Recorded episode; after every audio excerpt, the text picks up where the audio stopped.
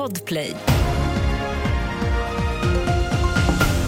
Här är senaste nytt om att det brinner i ett flerfamiljshus i Eskilstuna och räddningstjänsten är på plats med 15 enheter. Alla som bor i huset har evakuerats och det finns inga uppgifter om skadade. Branden är ännu inte under kontroll och det finns risk att den sprider sig.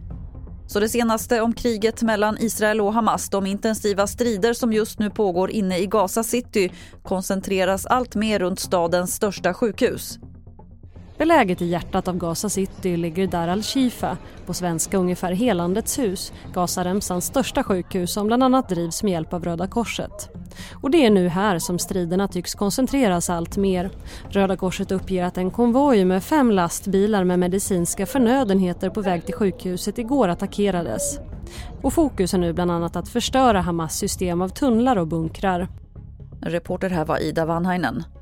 Till sist kan vi berätta att en lastbil som hängde över kanten på en bro i Trollhättan och riskerade att störta ner i Göta älv har kunnat bärgas under natten. Lastbilen körde in i sidoräcket och började brinna och två personbilar var också inblandade i olyckan.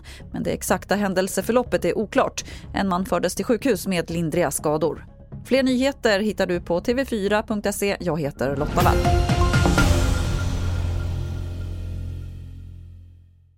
Ett poddtips från Podplay.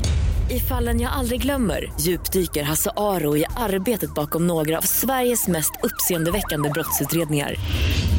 Går vi in med hemlig telefonavlyssning och, och då upplever vi att vi får en total förändring av hans beteende. Vad är det som händer nu? Vem är det som läcker?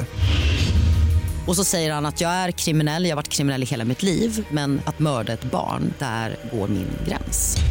Nya säsongen av Fallen jag aldrig glömmer på Podplay.